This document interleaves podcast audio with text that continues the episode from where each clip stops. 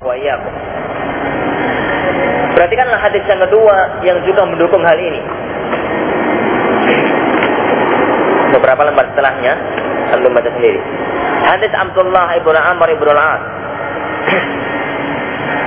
Bahwasanya Rasulullah sallallahu alaihi wasallam bersabda, "La ya'tiyanna ala ummati ma utiya ala bani Israel mislan bimithlin." Bahwasanya akan datang suatu ketika masa dari umatku yang pernah terjadi pada kaum Bani Israel. Hazwan na'li bin na'al. Jadi sejengkal demi sejengkal. Jadi meskipun urusan sandal mereka akan mengikutinya. Hatta lau anna fihim man nakaha ummahu alaniyatan kana fi ummati man yaf'alu mithla.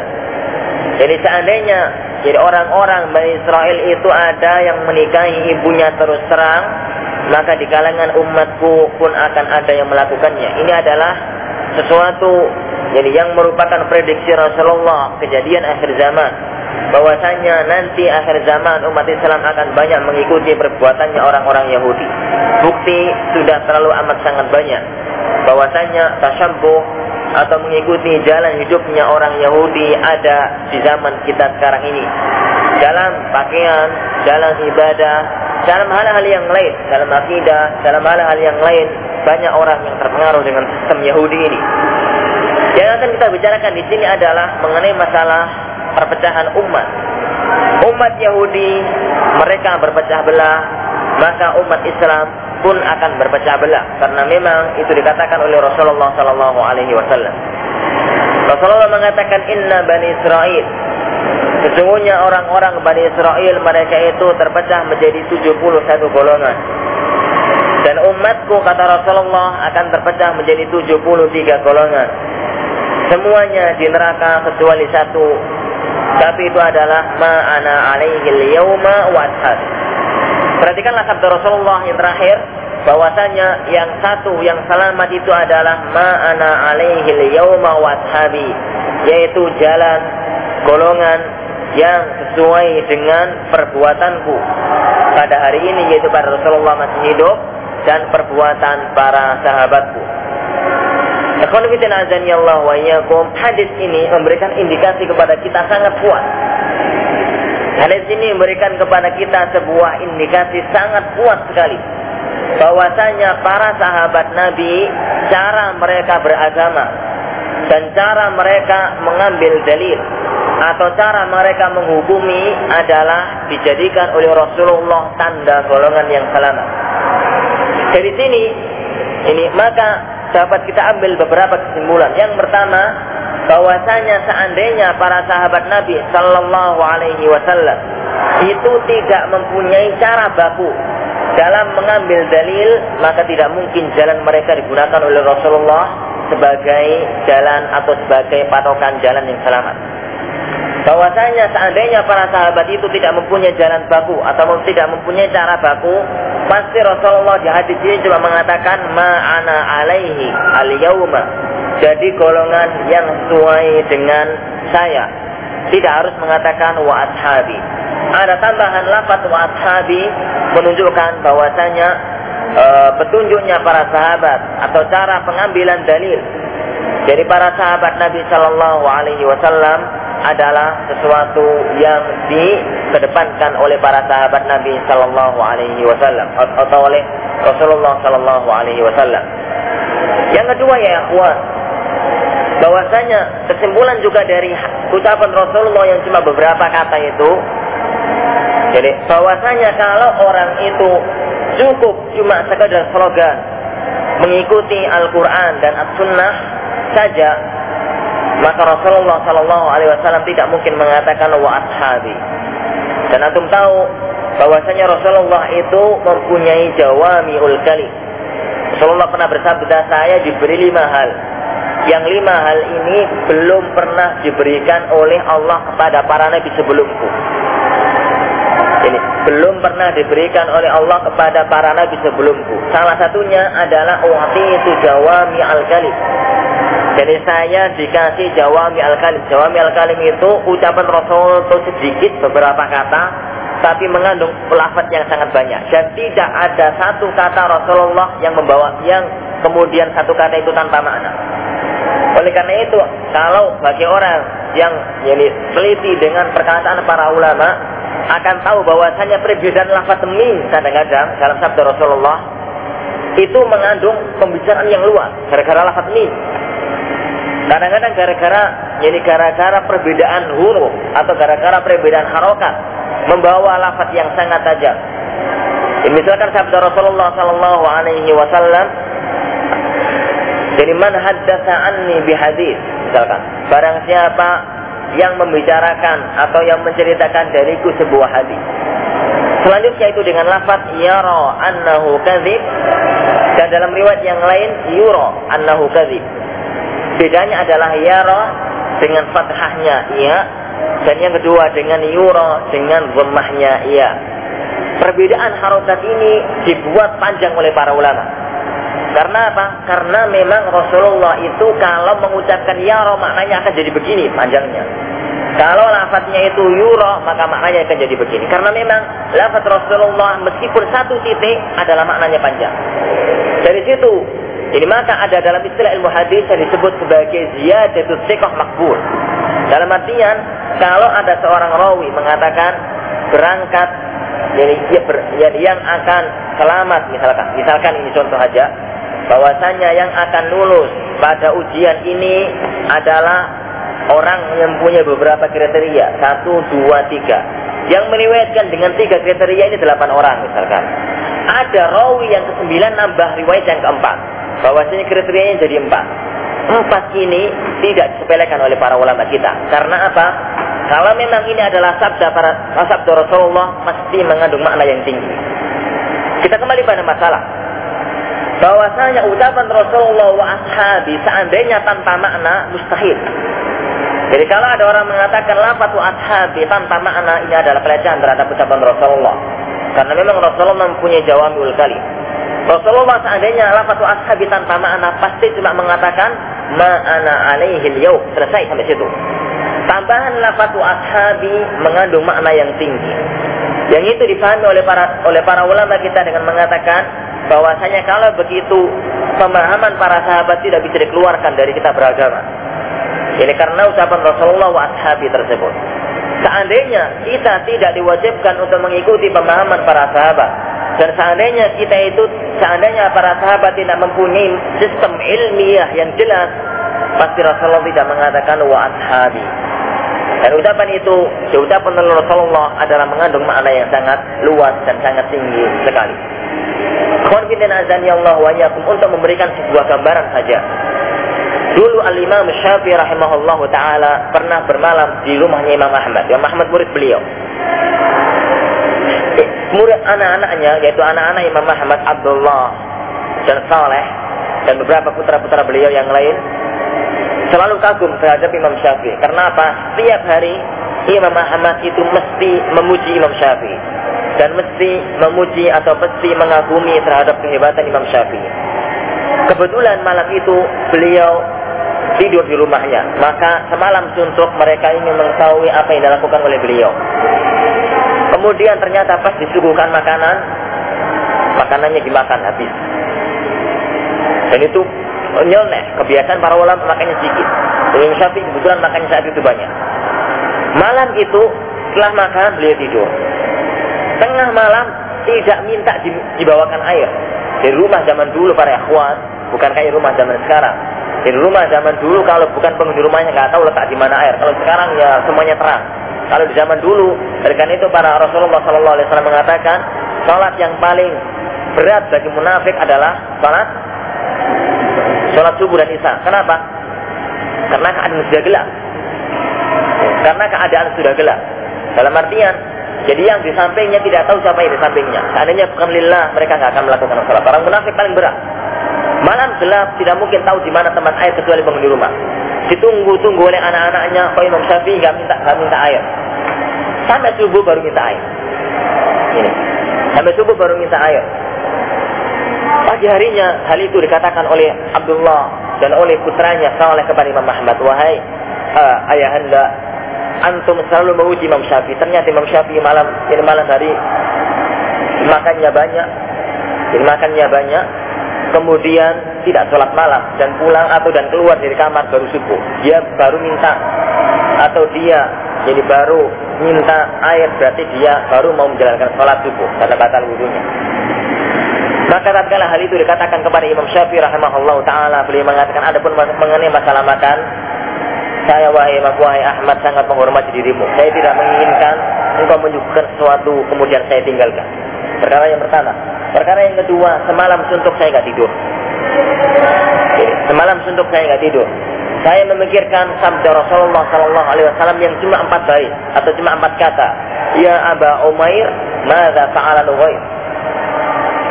Jadi Rasulullah Rasulullah Sallallahu Alaihi Wasallam biasanya kalau ke masjid itu mesti melihat anak kecil, namanya Abu Umair. Ini nama anak ini Umair. Yang biasanya selalu main burung kecil. Burung kecil ini, yang nahar itu burung, kalau dikecilkan, pasir dalam bahasa Arab, itu namanya Nuhair, ini burung kecil. Pada suatu ketika, si burung itu, si Umair main sendirian tanpa si burung. Burungnya nggak ada kebetulan. Dan ini adalah dalil bahwasanya main burung nggak apa-apa, asalkan nggak dianiaya. Rasulullah mengatakan ya Abu Umair, wahai bocah kecil Abu Umair, apa yang apa yang dilakukan oleh si burung sekarang mana kok ada? Lalu saya mengatakan saya memikirkan hadis ini dan semalam suntuk saya menemukan 200 faedah. Dari hadis yang cuma ya Abu Umair mada fa'ala Nuhair wahai Abu Umair apa yang dilakukan oleh si burung kecil? 200 faedah. Ucapan ucapan ya ikhwan ini adalah suatu yang dikatakan oleh Imam Syafi'i rahimahullah taala. Abu Qayyim mengatakan dalam Badail Fawaid, saya mencoba untuk mencarinya. Saya cuma menemukan puluhan, mendekat seratus. Tidak sampai dua ratus bagaimana perkataan Imam Syafi'i rahimahullah taala. Dan beliau Imam Imam Qayyim menulis puluhan jadi faedah di atas 50 faedah dari hadis ini. Tapi yang penting anak katakan ucapan Rasulullah yang kayaknya main-main. Kan ya kuat. Yang ingin saya katakan cuma satu. Rasulullah saat itu ngomong sama anak kecil. Pulang keluar ke masjid, ya keluar dari rumah mau ke masjid, ketemu dengan anak kecil. Biasanya orang kalau ketemu dengan anak kecil nggak pernah ngomong serius. Ngomongnya nyantai, ya, namanya anak kecil, tidak ngomong. Tapi ucapan yang semacam ini adalah tidak mungkin keluar dari jawabul kalim. Jadi ucapan yang dikatakan oleh Rasul dalam keadaan santai, dalam keadaan main-main sama anak kecil, itu tidak keluar dari kaidah itu jawami al-kalim. Bahwasanya saya dikasih ucapan yang pendek mengandung arti yang luas. Akankah sekarang ada orang berpikir bahwasanya sebuah sabda Rasulullah yang diucapkan serius tentang masalah istirahul ummah. Sabda Rasulullah yang diucapkan sangat serius sekali tentang masalah perpecahan umat akhir zaman. Kemudian ada satu lafaz yang tanpa makna, mustahil. Ya, kemudian ada orang mengatakan ashabi tanpa makna. Mustahil, mustahil ya akhwan. Sama sekali mustahil. Tidak mungkin terjadi sebuah ucapan, ucapan Rasulullah dalam keadaan santai sekali. Kemudian itu mengandung makna yang sangat luas. Kemudian sabda Rasulullah yang diucapkan sangat serius tanpa makna. Dari sini, jadi maka, jadi para ulama kita sangat serius memahami lafaz wa ashabi dan para sahabatku. Dan dari situ kita memahami yang anak katakan di awal tadi bahwasanya dari situlah kemudian kita mengatakan bahwasanya dengan ini kita harus memahami manhaj ilmi para sahabat jelas dan kita wajib untuk mengikuti manhaj ilmiah para sahabat tersebut. Allahu a'lam. Konfitin azani Allah wa Ini hadis yang kedua yang berhubungan dengan bahwasanya para sahabat Nabi Sallallahu Alaihi Wasallam mempunyai sebuah manhaj ilmiah yang sangat jelas sekali. Yang ketiga, konfidin azan ya Allah wa yakum, kita lihat asar para sahabat. Jadi kita lihat dari asar para sahabat Nabi Sallallahu Alaihi Wasallam bahwasanya apakah mereka apakah mereka itu memang mengikut mempunyai sebuah manhaj ilmi yang jelas. Perhatikanlah ucapan Abdullah bin Mas'ud radhiyallahu anhu. Tatkala beliau mengatakan man kana mustannan falyastanna bi ashabi Rasulillah sallallahu alaihi wasallam. Barang siapa yang mau meniru seseorang maka tirulah para sahabat. Jadi karena mereka itu adalah orang yang paling tinggi ilmunya, orang yang paling dalam hatinya, orang yang paling bersih kalbunya dan lain-lain. Begitu. Dan panjang Nabi yang penting ucapan pertamanya Abdullah bin Mas'ud, barang siapa yang mau meniru sesuatu atau mau meniru seseorang, maka tirulah para sahabat. Ucapan Abdullah bin Mas'ud radhiyallahu an. Seandainya para sahabat adalah seorang yang tidak bisa ditiru, apa yang bisa ditiru? Kalau yang ditiru adalah sesuatu urusan dunia yang mustahil, Abdullah bin Mas'ud menginginkan kita meniru para sahabat Nabi dalam urusan dunia. Yang jelas Abdullah bin Mas'ud menginginkan kepada kaum muslimin untuk mengikuti para sahabat atau meniru para sahabat dalam sebuah masalah ilmiah. Kalau seandainya para sahabat tidak mempunyai sistem ilmiah yang paten, maka tidak mungkin. Jadi Abdullah bin Mas'ud mengatakan hal semacam itu. Jadi Abdullah bin Mas'ud radhiyallahu anhu menginginkan kita untuk meniru para sahabat Nabi, menunjukkan bahwasanya mereka mempunyai cara atau mempunyai sistem yang paten dan yang jelas tatkala jadi kita bisa untuk meniru para sahabat Nabi sallallahu alaihi wasallam. Cukup ya akhwan tiga hal ini yang bisa saya sampaikan mengenai masalah jadi kita harus yakin seyakin yakinnya bahwasanya para sahabat Nabi mempunyai sistem istidlal atau mempunyai sebuah manhaj ilmiah yang jelas tatkala mengambil hukum dari Al-Quran dan dari Sunnah Rasulullah Sallallahu Alaihi Wasallam. Contoh-contoh dalam masalah ini sangat jelas sekali. Jadi beberapa hal sudah saya sebutkan tadi yaitu jadi misalkan misalkan bahwasanya sesuatu jadi sesuatu hukum itu harus didasari dari Al-Quran dan dari sunnah Rasulullah Sallallahu Alaihi Wasallam tidak boleh keluar dari keduanya sebelum sebelum bahwasanya kedua hal ini tidak ditemukan. Kalau memang ditemukan dari Alkitab dan dari sunnah Rasulullah Sallallahu Alaihi Wasallam maka tidak boleh dibantah dengan yang lainnya. Ini adalah sebuah manhaj ilmiah. Dari mana kita mengambilnya? Dari perjalanan hidup para sahabat. Kisah Abdullah bin Umar, kisah Abdullah bin Abbas, kisah Abu Bakar As-Siddiq radhiyallahu. Kemudian kita katakan yang lain. Salah satu manhaj ilmiah para sahabat misalkan bahwasanya tatkala mereka menemukan sebuah hukum yang sama sekali tidak ditemukan dalam Al-Qur'an maupun dalam sunnah Rasulullah Sallallahu Alaihi Wasallam maka mereka menggunakan hukum kias. Jadi yang mirip-mirip disamakan hukumnya. Dari mana kita mengambil jadi mengambil bahwasanya para sahabat mempunyai mempunyai cara mengambil dalil semacam ini dari perkataan Umar bin Khattab. Jadi tatkala beliau mengutus Abu Musa al-Ash'ari ke Yaman atau ke Kufah, buat tatkala Umar bin Khattab mengutus Abu Musa al-Ash'ari ke Kufah, maka jadi Abu maka Umar bin Khattab mengatakan, jadi hukumilah dengan kitabullah dan sunnah Rasulullah Sallallahu Alaihi Wasallam kalau tidak ketemu fakisil amsal fal amsal maka jadi padukanlah atau samakanlah yang mirip-mirip itu adalah hukum kias yang kita ambil dari sirahnya Umar bin Khattab radhiyallahu anhu. Misal yang lain dari sesuatu yang baku dari para sahabat Nabi Sallallahu Alaihi Wasallam. Dari para sahabat Nabi radhiyallahu anhu majma'in.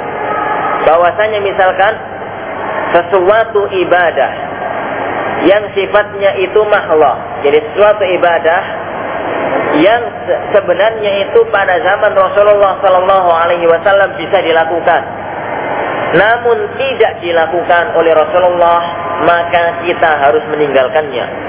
Melakukan perbuatan itu masuk dalam perbuatan bid'ah.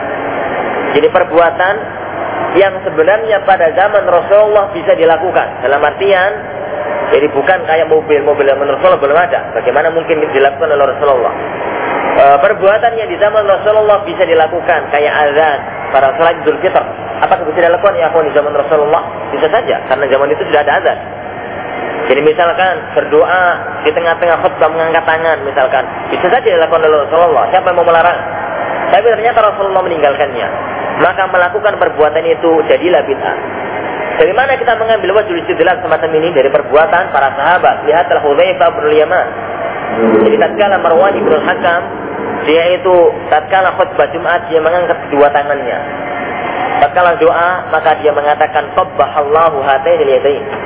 Jadi semoga Allah menghinakan kedua tangan itu atau kedua tanganmu. Ma yazidu Rasulullah sallallahu alaihi wasallam illa an tusyira bi usbu'i. Illa an bi usbu'ihi. Jadi Rasulullah tidak menambah kecuali melafazkan semacam ini. Dalam artinya tatkala berdoa menunjuk dari ke atas, bukan mengangkat tangan tatkala di tengah-tengah khutbah. Itu adalah wajul istidlal ya kawan atau cara pengambilan hukum dari sirah para sahabat Nabi Shallallahu alaihi wasallam. Dan itu akan kita teliti atau akan bisa ditelusuri dari banyak atau bagi orang-orang yang mempelajari dan mengetahui bagaimana cara pengambilan dalil para sahabat Nabi Shallallahu Alaihi Wasallam. Jadi orang-orang yang mengatakan bahwasanya para sahabat Nabi tidak punya cara pengambilan dalil yang baku dua orang. Yang pertama adalah orang yang jahil, murakkab. Ini jahil yang lebih pintar. Jadi karena menganggap bahwasanya para sahabat Nabi tidak punya wajul istidlal yang jelas. Yang kedua, orang yang mutakabir. Orang yang menyembuhkan diri, tidak tahu, pura-pura tahu. Atau sudah tahu, tapi dia tetap ngotot pada kesalahan yang dia lakukan. Allah wala. Sampai sini dulu ya, kawan bahasan masalah yang pertama ada yang.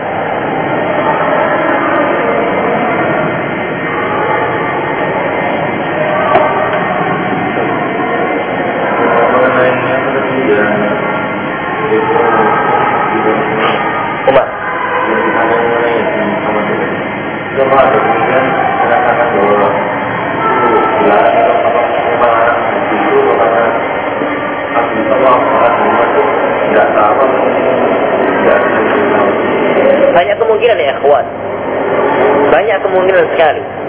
Jadi para ulama kita berpendapat dengan sesuatu yang itu menyelisih sunnah meskipun di kalangan para sahabat itu ada banyak kemungkinan. Kemungkinan yang paling kuat adalah tidak tahu. Kalau ada orang mengatakan, bagaimana mungkin tidak tahu? Bagaimana mungkin tidak tahu pada Abu Bakar dan Umar ke mana-mana bareng dengan Rasulullah? Anda katakan, bahwasanya Rasulullah Shallallahu Alaihi Wasallam pada zaman itu hadis itu belum terkumpul. Pada zaman itu hadis belum terkumpul. Dalam artian jadi Rasulullah Shallallahu Alaihi Wasallam memang ke mana-mana dengan Abu Bakar, ke mana-mana dengan Umar. Ada kemungkinan ya, Ikhwan, Abu Bakar dan Umar tidak tahu. Apa contohnya? Lihatlah kisah Abu Musa al-Ash'ari. Tatkala Abu Musa al-Ash'ari datang ke rumah Abdullah, rumah Umar bin Khattab radhiyallahu an, beliau mengetuk pintu, mengucapkan assalamualaikum. Sekali nggak dijawab. Mengetuk pintu, mengucapkan lagi salam. Kedua nggak dijawab. Ketiga, assalamualaikum nggak dijawab, pulang. Melihat Abu Musa al-Asyari pulang, Umar sebenarnya di dalam tahu. Jadi beliau tahu bahwasanya di luar ada Abu Musa al-Asyari. Tatkala pulang, dikejar oleh Umar. Kenapa balik? Umar Abu Musa mengatakan, saya salam tiga kali, gak kamu jawab, dia pulang. Maka Rasulullah Umar mengatakan, apakah itu sunnah? Iya, saya mendengar dari Rasulullah Sallallahu Alaihi Wasallam. Jadi kan riwayat ini, ya, riwayat ini riwayat Muslim. Siapa yang lebih alim antara Umar dan Abu Musa al-Asyari? Semua menjawab, Umar. Tapi ternyata pada hal satu itu Umar kalah dengan Abu Musa al-Asy'ari. Dalam banyak hal ya kuat Rasulullah Shallallahu Alaihi Wasallam afradukum jadi orang yang paling mengetahui faraid di antara kalian Zaid bin Sabit. Tapi ternyata dalam beberapa masalah faraid Zaid bin Sabit memiliki sunnah. Yang paling tahu halal dan haram siapa? Mu'ad ibnu Jabal radhiyallahu anhu. Tapi ternyata dalam beberapa masalah Mu'ad bin Jabal menjadi sunnah. Jadi tidak tahunya beberapa para sahabat yang akhwat sunnah itu wajar. Karena saat itu Rasulullah kadang-kadang ngomong di sini yang Umar gak, gak datang. Jadi yang kemudian Umar bin Khattab radhiyallahu anhu tidak mengetahuinya. Perhatikanlah Aisyah radhiyallahu anhu. Beliau pernah mengatakan mana haddatsa bi anna Muhammadan atau bi anna Rasulullah yaqulu qa'iman faqad kadzab. Jadi barang siapa yang menceritakan kepada kalian bahwasanya Rasulullah pernah kencing sambil berdiri, maka dia telah berdusta. Apakah Rasulullah pernah kencing berdiri? Pernah. Dalam hadis Bukhairah ibnu Syubah radhiyallahu an. Bahkan kencing berdiri saat itu beliau di tempat sampah. Jadi saat itu beliau sedang kencing tempat sampah, kencing sambil berdiri. Aku lihat kuat. Apakah Aisyah radhiyallahu anha berbohong tatkala dia mengatakan itu tidak? Hanya saja Aisyah tidak pernah mengetahui Rasulullah kecuali duduk. Tatkala ada orang yang cerita bahwasanya Rasulullah kencing berdiri didustakan. Sama saja. Jadi zaujah saya ya akhwan misalkan mengetahui saya ya akhwan jadi hidup serumah ke mana-mana bareng. Kemudian kebiasaan anak kalau di rumah kalau di mana-mana dengan zaujah kencing sambil duduk. Tatkala pergi dengan salah satu akhwat pergi ke mana sekarang nggak dengan zaujah. Anak kencing sambil berdiri. Maka tatkala zaujah ditanya apakah fulan ini pernah kencing sambil berdiri? Tidak. Dan itu jawabannya jelas karena memang dia yang dia ketahui. Dan itu sesuatu itu wajar ya di zaman Rasulullah Sallallahu Alaihi Wasallam. Maka jangan diherankan kalau Abu Bakar tidak mengetahui beberapa masalah. Umar tidak mengetahui beberapa masalah dan Ali, Utsman juga para sahabat-sahabat yang lainnya. Oleh karena itu kadang-kadang para sahabat menyelisih dalil yang sorry. Misalkan Jabir bin Abdullah radhiyallahu anhu, beliau pernah melontarkan sebuah madhab yang sangat kontradiksi. Tatkala mengatakan bahwasanya nikah mut'ah halal. Sampai Umar mengatakan kepada dia, nikah mut'ah, aku kamu akan saya rajam. Nikah mut'ah, kalau mau kamu akan saya rajam. Menunjukkan bahwasanya sampai pada zaman Umar sekalipun Jabir ngotot teman. Nikah mut'ah boleh. Karena apa? Memang beliau tidak mengetahui bahwa nikah mut'ah itu diharamkan setelah dihalalkan. Ibnu Abbas radhiyallahu anhu pernah ngotot bahwa ribal fadl dibolehkan. Padahal jelas bahwa hal itu adalah diharamkan. Maka tidak diherankan sama sekali kalau ada beberapa orang yang tidak mengetahui hadis Rasulullah SAW. Kalau muncul pertanyaan belakangan, apakah dengan begitu kita mengatakan bahwasanya ulama zaman sekarang lebih mengetahui daripada Abu Bakar dan Umar? Saya bilang, saya bilang hal itu kita katakan, ya kuat antara A dan B. Jadi antara A dan B. Si A ini alim segala sesuatu, ngerti ya kuat. Jadi itu mengetahui luas ilmuannya kebetulan tidak mengetahui masalah C. Jadi si A ini kebetulan agak sama dan ada tidak mengetahui masalah yang masalah C. Kebetulan si B itu mengetahui masalah C ada tapi tidak mengetahui masalah yang lainnya. Apakah kemudian kita mengatakan bahwa si B itu mengetahui lebih alim daripada si A? Bukan. Dan semacam itu Abu Bakar mengetahui semua masalah, illa masalah-masalah tertentu. Masalah-masalah tertentu itulah yang kemudian diketahui oleh para sahabat yang lainnya. Allahu a'lam. Nah. Antum uh, tolong baca kitabnya Ibn Taimiyah rahimahullah taala, tapi diterjemahkan oleh Ustazuna Abu, Abu Umar Bashir. Judul aslinya adalah Raful Malam Anil A'immatil A'la. Kayaknya di tulisannya membela para ulama gitu ya pembelaan pembelaan pembelaan terhadap para ulama gitu ya Bukan terhadap sunnah, bukannya hitam, kecil. Kehormatan ulama. Membela kehormatan ulama gitu ya. Iya, pokoknya sekitar itulah pokoknya membela kehormatan ulama atau membela ulama yang penting judul aslinya adalah Raful Malam. Anil A'immatil Ala. Itu ditulis oleh Syekhul Islam Ibnu Taimiyah mengatakan kenapa sih sebagian para ulama itu kok pendapatnya menyelisih sunnah. Apakah mereka sengaja mustahil? Kalau tidak sengaja, kenapa? Dan itu yang dikatakan oleh Syekhul Islam Ibnu Taimiyah rahimahullah taala. Wallahu a'lam. Sudah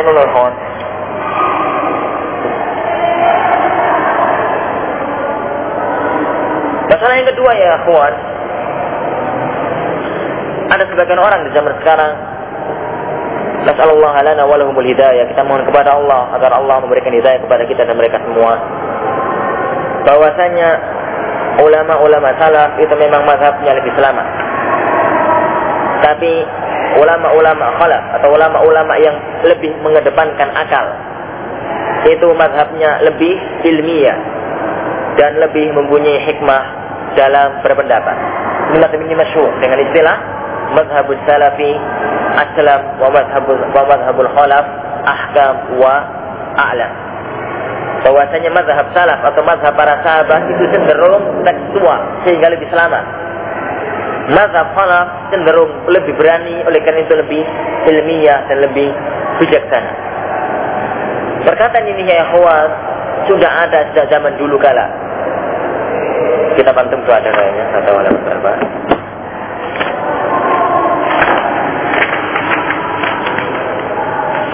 atau alam berapa uh, bahwasanya ucapan ini ya kuat sudah ada sejak zaman dulu kala. Sejak zaman dulu jadi orang-orang sudah mengatakan hal ini. Kita jawab mengenai masalah semacam ini. Bahwasanya orang yang mengatakan slogan semacam itu ya kuat Jadi orang yang mengatakan slogan semacam ini adalah orang-orang yang sama sekali tidak tidak memikirkan apa yang mereka katakan. Yang pertama, ini bahwasanya bagaimana mungkin ini bagaimana mungkin dikatakan bahwasanya mazhab khalaf jadi bahwasanya bagaimana mungkin dikatakan mazhab salaf itu lebih selamat dan mazhab khalaf itu lebih ilmiah padahal keselamatan tidak mungkin didasari kecuali dengan ilmu. Akankah kita pisahkan jadi antara api dan panas? Akankah kita pisahkan antara es dan dingin? Ya. Bahwasanya kedua hal ini adalah kedua hal yang sebab akibat ada api ada panas. Kecuali qadar Allah pada zaman Nabi Allah Ibrahim. Ini ada es, ada dingin. Ada ilmu, ada selamat. Karena memang ilmu adalah jalan keselamatan. Ada selamat, maka didasari dengan suatu yang ilmiah. Maka kalau ada orang memisahkan antara keduanya, yang ilmiah itu kholaf dan tidak selamat, yang selamat itu salaf dan tidak ilmiah, bagaimana mungkin akan dikatakan? Karena ilmu dan selamat adalah dua hal yang saling keterkaitan. Tidak mungkin dipisahkan antara keduanya. Kemudian, jadi kita katakan, akankah ada orang yang sekarang ini berani mengatakan lebih alim dan lebih ilmiah daripada Abu Bakar, Umar, Utsman dan Ali. Yang mereka adalah para tokoh-tokoh salafun saleh yang kemudian kita katakan bahwasanya tokoh-tokoh zaman sekarang misal Al-Ghazali, Imam Al-Ghazali, Fakhruddin Razi, kemudian tokoh-tokoh ilmuwan yani falsafah kaum muslimin itu dikatakan lebih alim daripada para sahabat. Mustahil ya ikhwan. Jadi mustahil sekali hal itu kita lakukan. Kemudian kalau kita lihat yang ketiga, bahwasanya ilmu khalaf yang banyak didasari dengan akal. Jadi ilmu khalaf yang banyak didasari dengan akal. Jadi yang banyak didasari dengan mem, jadi banyak memikirkan hal-hal yang itu tidak mau tunduk kepada Al-Quran dan As-Sunnah, mereka semuanya menyesal di akhir hayatnya. Jadi mereka semuanya menyesal di akhir hayatnya. Tidak ada seorang pun, jadi ulama-ulama falsafah yang mereka mencoba untuk mempelajari Islam ini dengan cara dengan cara akal sebagaimana sekarang dipelajari oleh banyak teman kita di IAIN kecuali mereka menyesal di akhir hayatnya ya, kecuali mereka jadi di akhir hayat bahwasanya tidak ada jalan untuk bisa menyelamatkan din ini kecuali dengan tunduk dan taslim kepada Al-Quran dan As-Sunnah. Perhatikanlah penyesalan-penyesalan mereka. Lihatlah Al-Imam Al-Ghazali rahimahullahu ta'ala jadi tatkala beliau mencoba untuk mempelajari din ini dengan falsafah, maka dari ilmu beliau semakin ngaco dan ilmu beliau semakin tidak karu-karuan akhirnya beliau sempat taubat di akhir hayatnya sebelum meninggal dunia. Lihatlah para ulama-ulama kita, Bahruddin Razi dan para ulama-ulama belakangan yang mereka ya.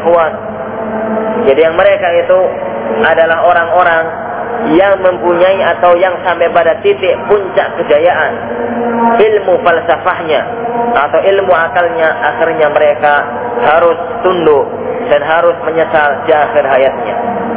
Banyak ucapan-ucapan semacam ini bisa dilihat pada kitabnya Ibnu Qayyim al-Jauziyah di awal-awal kitab Suwaikil Mursalah atau di awal-awal kitabnya Syekhul Islam pada kitab beliau Al-Fatawa Al-Hamawiyah Al-Kubra.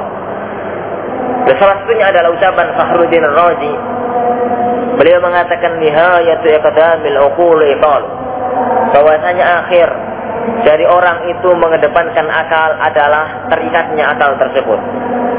Wa aktsaru sa'yil alamina dhalalu. Dan kebanyakan dari orang atau usaha para ilmuwan, ilmuwan filsafat maksud saya adalah kesesatan.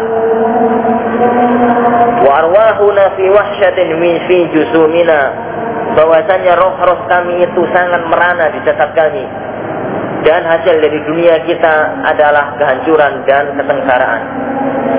Kata beliau selanjutnya, walam nastafid tula umrina dan kita tidak bisa mengambil faedah sepanjang hidup kita kecuali hanya mengumpulkan pendapat ini dan pendapat itu. Ya kawan antum kalau merhatikan kitab-kitab cara para ulama-ulama yang mengedepankan akal. Bagaimana kitab itu? Kitab itu rata-rata Qala fulan. Qala fulan. Qala fulan. Ini adalah pendapatnya fulan. Ini adalah pendapatnya fulan. Pendapatnya fulan ada kesalahan di sini. Yang benar pendapatnya fulan. Begitu terus muter. Tebal kitabnya, tapi kalau diringkas mungkin satu dua lembar. Perhatikanlah kitab salaf, ya kawan. Kitab salaf, perhatikanlah misalkan kitab, bukan kitab salaf saya katakan. Kitab ulama-ulama belakangan, perhatikanlah kitab Tauhid Syekh Muhammad Abdullah. Bagaimana kitab itu? Bab begini-begini. Qala Allah Subhanahu wa taala, qala Rasul sallallahu alaihi wasallam. Selesai itu ma istafad. Tidak ada selesai. Jadi pendek tapi mengandung makna yang tinggi. Berkat firman Allah, firman Rasulullah sallallahu alaihi wasallam, kemudian apa faedah dari Al-Qur'an dan As-Sunnah di atas. Tidak muter-muter panjang. Ini tidak muter-muter panjang ya kuat. Sana kemari sehingga melakukan hal semacam itu. Sehingga dari itu kita terbukti banyak dalam perdebatan apa pun juga. Ini. Jadi ikhwan, ini saya ada menyebut langsung orangnya saja bahwasanya sebagai anak pernah ketemu dengan salah seorang ikhwan dari IAIN. Tatkala berdebat dalam dunia ilmiah, ikhwan, dalam masalah ilmiah bahwasanya tidak ada satupun ayat dan tidak ada satupun hadis yang keluar. Yang keluar qala fulan, qala fulan, qala fulan.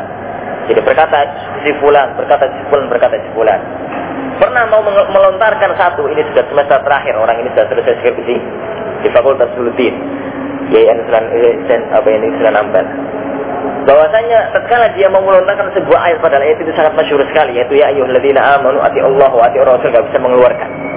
Ya, bisa mengeluarkan. Bahwasanya dia harus mengatakan kayaknya ada ayat semacam itu. Itu masalah ya kuat bahwasanya generasi kaum muslimin di akhir zaman yang tatkala mempelajari din ini dengan sistem semacam itu, maka yakinlah akhirnya akan membawa pada kehancuran mereka sendiri. Bahwasanya tidak ada yang bisa, eh, tidak ada yang paling selamat kecuali kita mengatakan kalau Allah. Jadi kalau Rasulullah Sallallahu Alaihi Wasallam dan bagaimana para ulama kita mempelajarinya.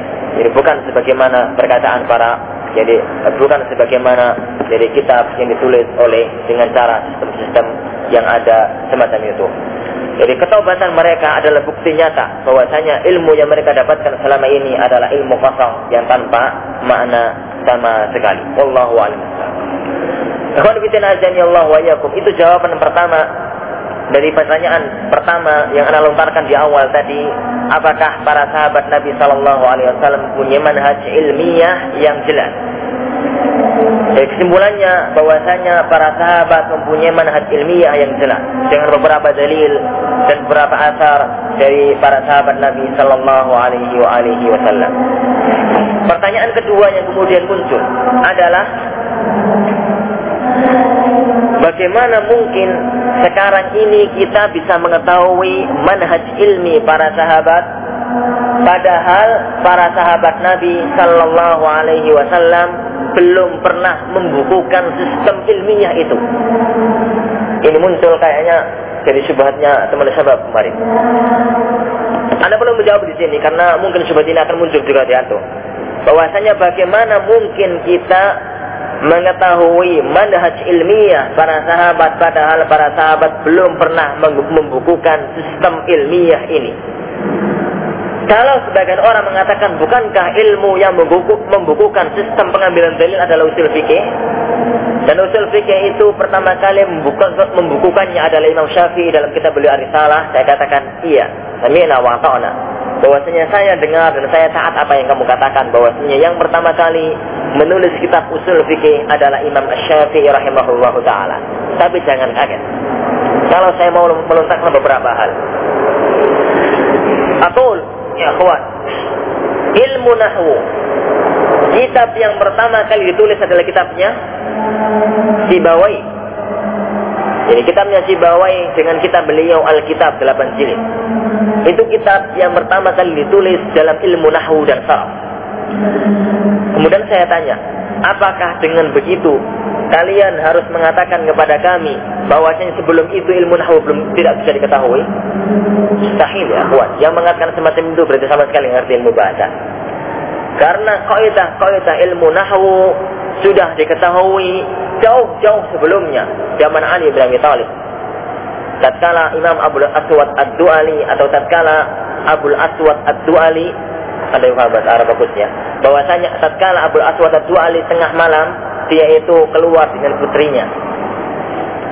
Putrinya itu melihat indahnya malam dan malam ya di padang pasir orang padang pasir itu kalau menceritakan indah itu bukan siang hari tapi kalau orang ya orang padang pasir siapa yang mulai dari sastra akan tahu bahwasanya kalau indah tengah malam. Tatkala nggak ada bulan, cuma ada bintang. Itu indah kata mereka. Nggak tahu kalau ya, ya, mungkin padang pasir itu beda dengan kita sekarang ini. Tatkala malam, putrinya mengatakan, Ya abati ma ajmalus sama.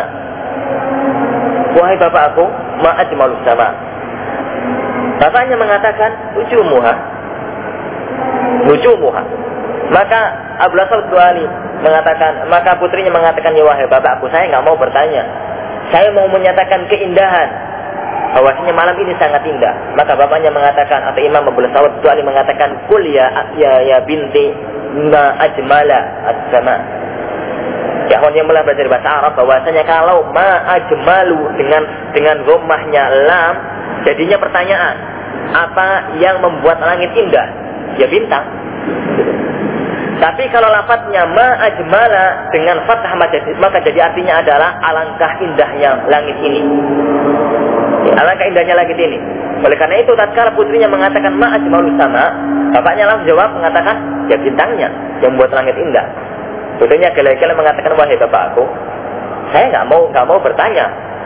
Saya tahu bahwasanya yang membuat indah langit itu adalah bintangnya. Saya mau membuat, saya mau mengagumi langit. Kalau begitu putriku katakanlah ma ajmala as-sama, jangan ma ajmalu. Itu bagusnya bahasa Arab ya, kawan. Maka saat itu jadi dia memikirkan bagaimana bentar lagi mungkin bahasa akan hilang. Dibikinlah kaidah kaidah ilmu nahu, tapi belum pernah ditulis kitabnya. Tapi kaidah kaidah ilmu nahu ada saat itu. Ilmu hadis ya akhwan. Siapa yang pertama kali menulis kitab hadis? Al-Imam Abu Bakar Ramahul Musi. Jadi yang pertama kali menulis dan membukukan ilmu hadis adalah Imam Abu Bakar Ramahul Musi. Pada zaman Umar bin Abdul Aziz. Apakah sebelum itu belum ada ilmu hadis? Banyak. Jadi sebelum itu banyak ilmu hadis bertebaran. Meskipun belum dibukukan. Dan kita tahu ilmu hadis itu meskipun belum ada bukunya. Siapa yang pertama kali membukukan jadi ilmu balaghah, ilmu balaghah dibukukan akhir-akhir pada zaman Abdul Qahir Al-Jurjani. Apakah sebelum itu belum ada ilmu balaghah? Ada, bertebaran. Dan kita tahu ilmu balaghah itu sama dengan ilmu usul fikih bahwa ilmu usul fikih yang pertama kali bukan memang Syafi'i. Apakah sebelumnya belum ada? Ada. Dan kita tahu ilmu itu. Dari mana tahunya ya, Ikhwan? Sebagaimana ini sebagaimana bahwasanya masalah nahu kita ketahui dari dari kitab-kitab bahasa. Bahwasanya sebelum zaman si Sibawai sudah ada nahu, maka usul fikih pun kita ketahui dari kitab-kitab fikih atau dan dari kitab-kitab sunnah. Dia telah misalkan kitab Musannaf Abdul Razak. Kitab Al-Musannaf Abu uh, siapa itu Ibnu Abi Syaibah. Kemudian kitab Sunan Al-Baihaqi dan kitab-kitab yang lain akan kita temukan sistem pengambilan dalil para sahabat yang sangat paten. Jadi sistem pengambilan dalil dari para sahabat Nabi Shallallahu Alaihi Wasallam yang sangat luas dan sangat paten sekali. Yang dengan kitab-kitab itulah kita mengatakan dan kita mengetahui jadi kita mengetahui bagaimana cara para sahabat Nabi Shallallahu Alaihi Wasallam. Tapi ya ikhwan, bahwasanya sekarang itu alhamdulillah Allah telah jadi melunakkan ilmu dan telah memudahkan ilmu. Jadi telah memudahkan ilmu kepada kita. Jadi bagi orang semacam kita tidak perlu menelaah kitab-kitab sepanjang itu. Karena musannaf karena Sunan Baihaqi 10 jilid. Sebenarnya Kemudian Musannaf Ibnu Abi Syaibah di atas 20, di atas 15. Kemudian yang lain-lain. Kitab-kitab panjang cukuplah bagi kita jadi mengambil sesuatu yang sudah dimatangkan oleh para ulama terhadap cara pengambilan dalil para ulama kita. Oleh karena itu para ulama atau para ulama kita selalu memberikan wasiat atau memberikan wasiat kepada kita. Jadi kalau mengambil atau kalau ingin mengetahui cara pengambilan dalil, ambillah dari kitab-kitab usul fikih yang bagus yang itu adalah menuju kepada cara pemahaman para sahabat Nabi Shallallahu Alaihi Wasallam semacam kitab Ar-Risalah lil Imam Syafi'i juga semacam kitabnya Imam Ibnu Hazm dalam kitab beliau Al-Ahkam fi Usul Al-Ihkam fi Usul Al-Ahkam dan kitab-kitab yang lainnya. Dari sini ya kawan kita tahu, jadi dari sini kita tahu bahwasanya cara pengambilan dalil para sahabat, sahabat kita tahu, sahabat kita ketahui dengan mudah dari kitab-kitab yang itu sampai kepada diri kita dan itu tidak mengharuskan kita tidak mengetahui cara pengambilan dalil mereka. Wallahu alam bisawab. Sampai ya kawan tentang masalah ini.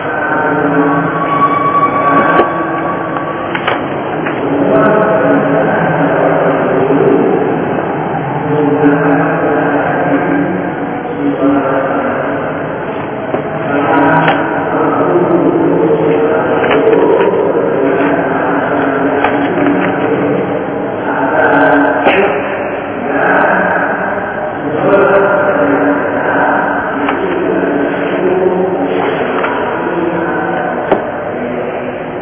kebetulan ya, Anak ambilkan sebuah contoh mudah.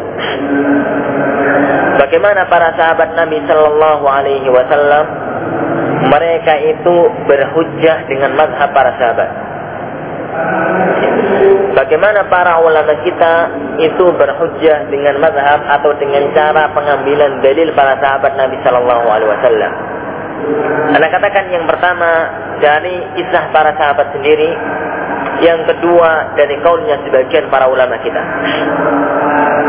Yang pertama dari kisah yang sangat masyhur sekali, yaitu kisahnya Al-Imam atau kisahnya Abdullah bin Mas'ud radhiyallahu anhu. Ini kisahnya Abdullah bin Mas'ud radhiyallahu anhu. Tatkala beliau datang ke Masjid Kufah, dan hadis ini kayaknya sudah pernah saya sampaikan. Kemudian beliau mendengar atau melihat ada sebagian orang atau ada orang-orang kaum muslimin yang mereka itu duduk-duduk kemudian mereka itu e, membaca zikir, tasbih, tahlil dan takbir. Hanya saja dengan cara yang cara itu tidak pernah dilakukan oleh Rasulullah Shallallahu Alaihi Wasallam.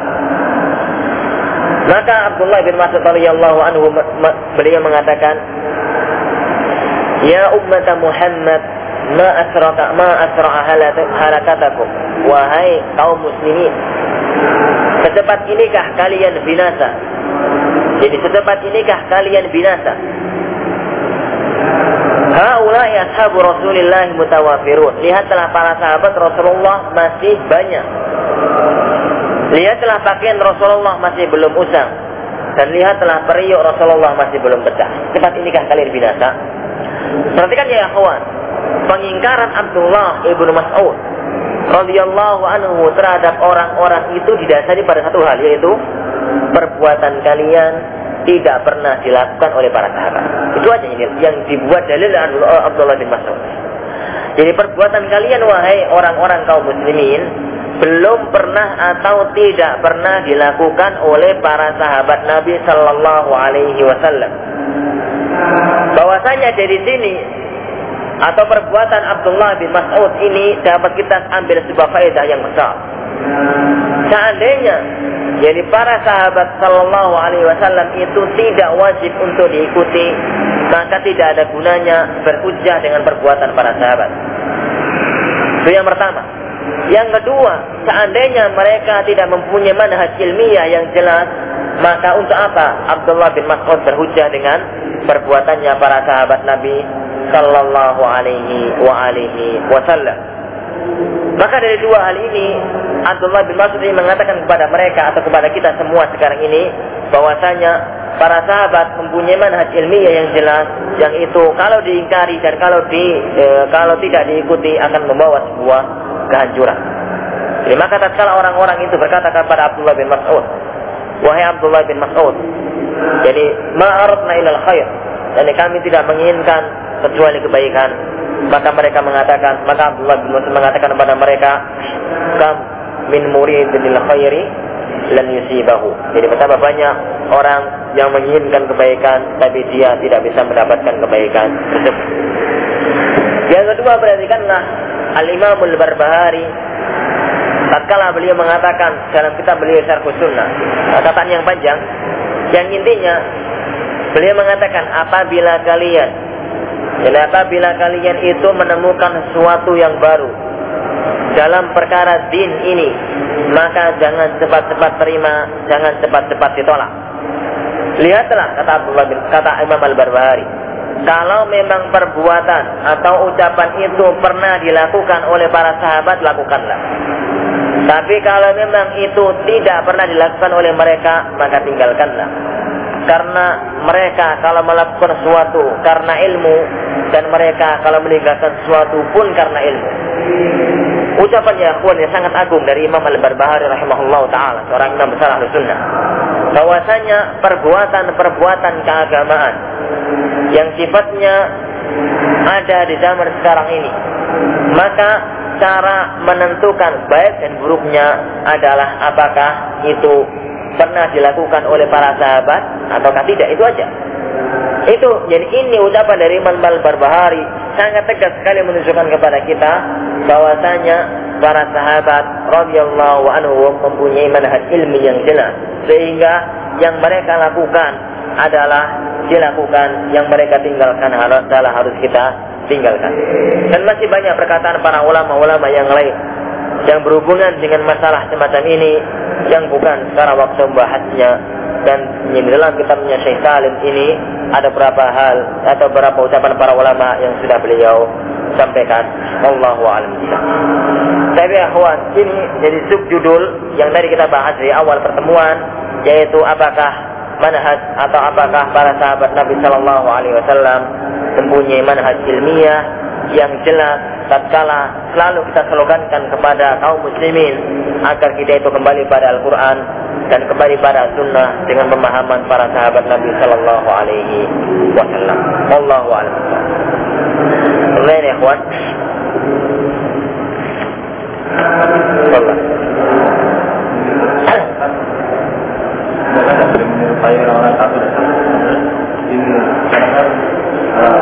kalau orang-orang jin terus kita jin apa terus ada lagi itu ada orang-orang kafir pakai apa? Jin dalam jin. Jin pakai jin nanti.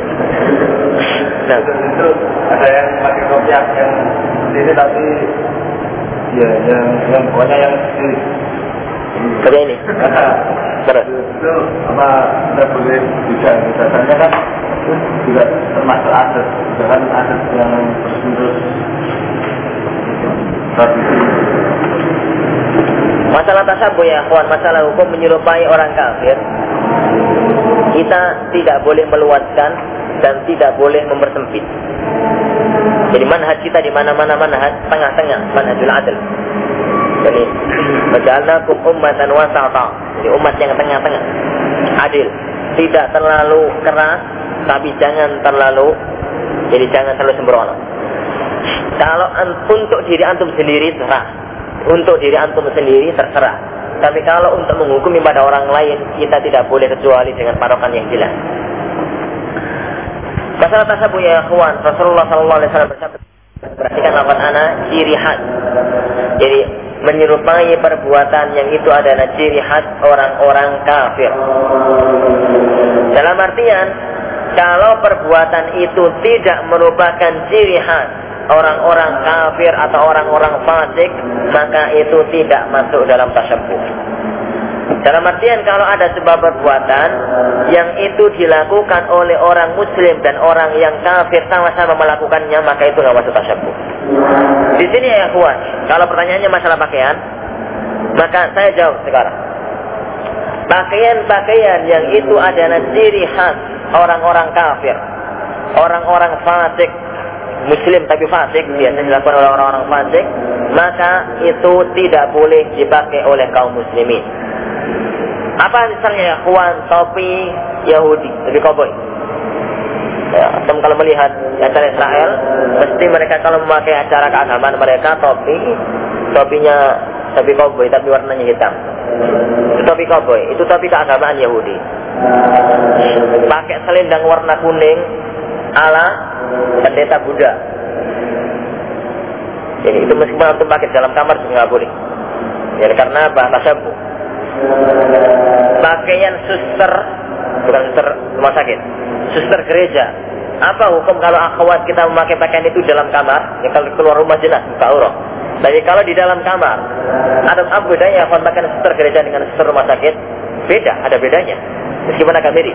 Tapi kalau yang dipakai itu adalah pakaian suster gereja itu adalah pakaian keagamaan. Dan pakaian-pakaian yang sifatnya semacam itu itu adalah pakaian keagamaan.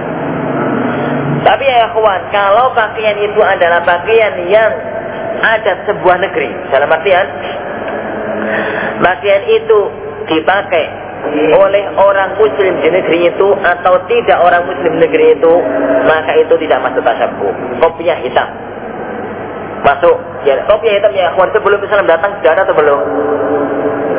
Anda nggak tahu kopi hitam. Tapi belangkon. Belangkonnya dalang itu.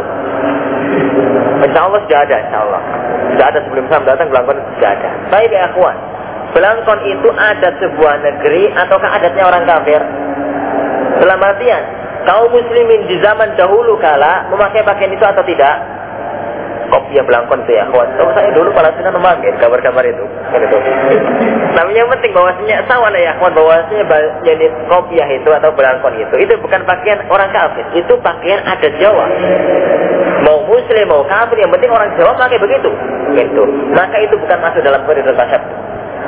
Ini masuk dalam koridor Antum tidak mau pakai karena nggak senang tasawuf. Tapi mengharamkan orang lain dengan mengatakan jangan pakai itu tasawuf itu hukum. Jadi antum ada bedakan antara hukum antum tidak senang dengan antum nggak mau pakai. Sebagian ikhwah misalkan di, di Al-Furqan sebagainya orang mutasyadid. Ya teman-teman Al-Furqan ya sebagainya mutasyadid. Menghadapi misalkan sebagian teman yang tidak pernah memakai baju koko kayak begini dan tidak pernah pakai gamis, senangannya ke mana-mana pakai baju gerah, pakai kerahan begitu, batik, gitu. ke mana-mana ada sebagian ikhwah memang sukanya begitu.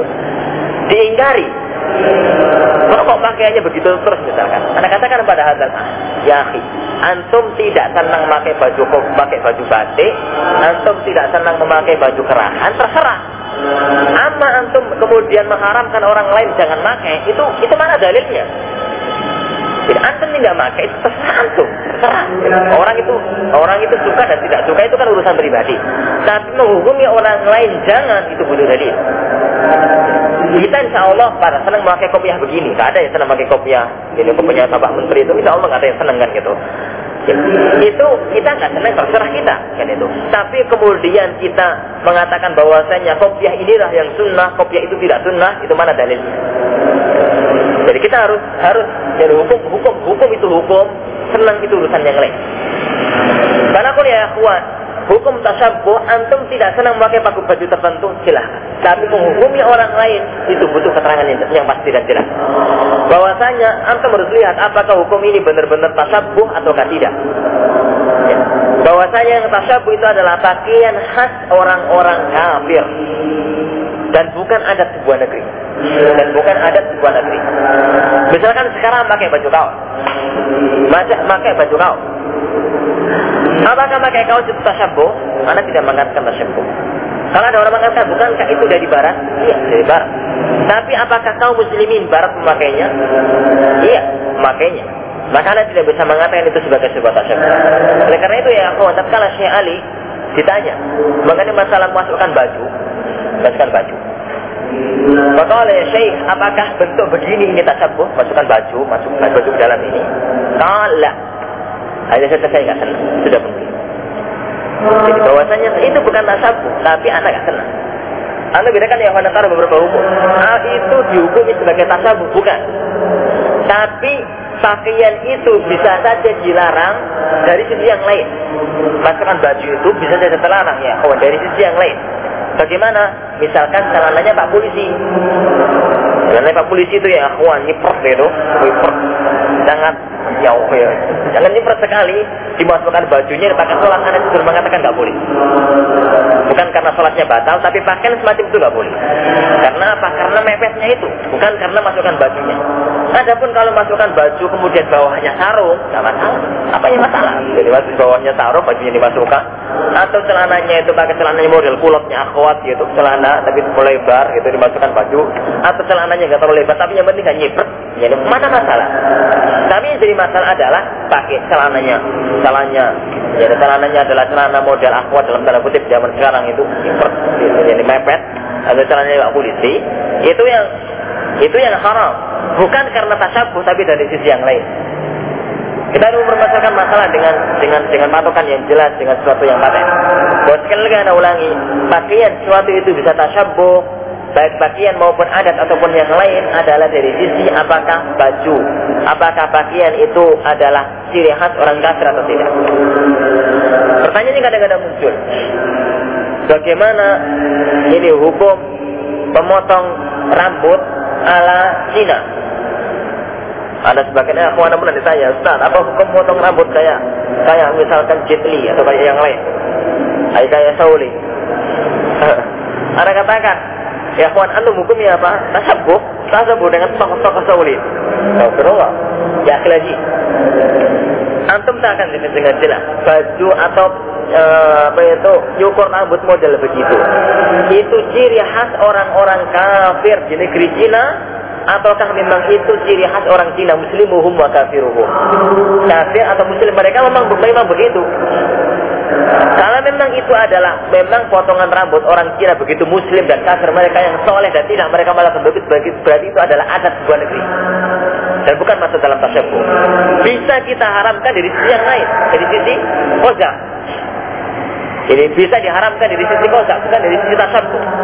Koza itu memotong sebagian, membiarkan sebagian. Biarkan di sini tipis habis, di sini masih gondrong. Itu nggak boleh. Ini itu koza. Jangan diharamkan dari sisi tasyabuh, tapi haramkan dari sisi dari siapa ya kawan? Dari sisi larangan yang lain. Jadi tasyabuh ada bab tersendiri, larangan ada bab tersendiri. Dan larangan itu ada bab tersendiri. Jangan digabung antara satu dengan yang lainnya. Allah a'lam. Nah. Kalau yang mengatakan kami itu sunnah itu ada yang mengatakan itu ada. Mana cenderung mengatakan gamis, gamis ini? Ya enggak. Coba. Enggak mungkin yang dipanggil apa orang Indonesia ini juga sebut gamis. Kalau ini difahami ini sebagai sebuah pakaian sunnah, anda tidak bisa mengatakan ini sunnah. Anda tidak bisa mengatakan itu sunnah ya, kawan. Karena apa? Pertama, bahwasanya jadi yang sunnah itu harus ada dalilnya. Yang sunnah itu pakaian warna putih. Dan itulah pakaian dicintai oleh Rasulullah Sallallahu Alaihi Wasallam. Meskipun Rasul tidak selamanya bajunya putih. Tapi kemudian memakai baju, jadi memakai baju yang itu jadi yang itu adalah adatnya orang-orang yang soleh itu diperintahkan. Memakai baju yang itu adalah adatnya orang-orang soleh diperintahkan. Karena apa ya kawan? Karena ini tabiat manusia kata Syekhul Islam manusia itu semacam semacam burung. Bagaimana burung? Burung itu tidak pernah ada elang kumpul dengan burung darah Elang di mana-mana kumpul, dengan elang, burung darah di mana-mana kumpul dengan burung darah, kutilang di mana-mana kumpul dengan kutilang. Jadi orang yang kemudian jadi ke mana-mana pakai gamis, tidak isban, insya Allah tidak pernah kok ke mana-mana dengan teman yang celana jin ke mana-mana. Insya Allah enggak. Yang pakai gamis rata-rata kumpul dengan yang pakai gamis. Karena apa? Memang manusia sifatnya begitu. Kata Rasulullah Sallallahu Alaihi Wasallam, al-insan junudun mujannada biayyihima jadi biayyima biayyiha ittafaqat i'talafat jadi manusia itu memang terbelah terpisah-pisah yang sesuai dia kumpul. Yang tidak memisah yang tidak memisah itu tabiat. Jadi itu itu adalah tabiat. Oleh karena itu Rasulullah jadi memerintahkan orang untuk melakukan semacam itu. Bukan karena itu sunnah, tapi karena memang itu adalah tabiat seorang. Anda tidak bisa mengatakan bahwasanya itu sunnah. Kecuali bahwasanya mungkin saja antum itu diberi pahala oleh Allah Subhanahu wa taala karena memang menampakkan syiar umat Islam. Tapi zat yang dibaca itu sebagai sunnah sulit untuk bisa dikatakan sebagai sunnah. Allah wa Kalau secara umum kami itu sunnah itu karena dalil itu adalah kami. Apa ya? Wah. Gamis yang panjang. Gamis itu adalah gamis yang panjang. Yang pertama bahwasanya bahwasanya Rasulullah Shallallahu Alaihi Wasallam memakai bajunya adalah baju yang gamis semacam itu, memakai bajunya adalah baju yang gamis. Uh, untuk mengatakan bahwasanya itu adalah sunnah, anak cenderung masih sulit untuk mengatakan bahwasanya itu adalah sunnah. Kenapa ya, kawan? Kenapa? Saya Utsaimin mengatakan dalam al-usul min ilmi usul bahwasanya bahwasanya Rasulullah Shallallahu Alaihi Wasallam itu jadi perbuatannya Rasulullah itu kadang-kadang didasari dengan perbuatan yang itu bukan karena beliau sebagai seorang Rasul, tapi karena memang itu adalah adat. Sebagai contoh mudah, Rasulullah setiap hari makan apa? Makan korma. Apakah makan korma itu sunnah?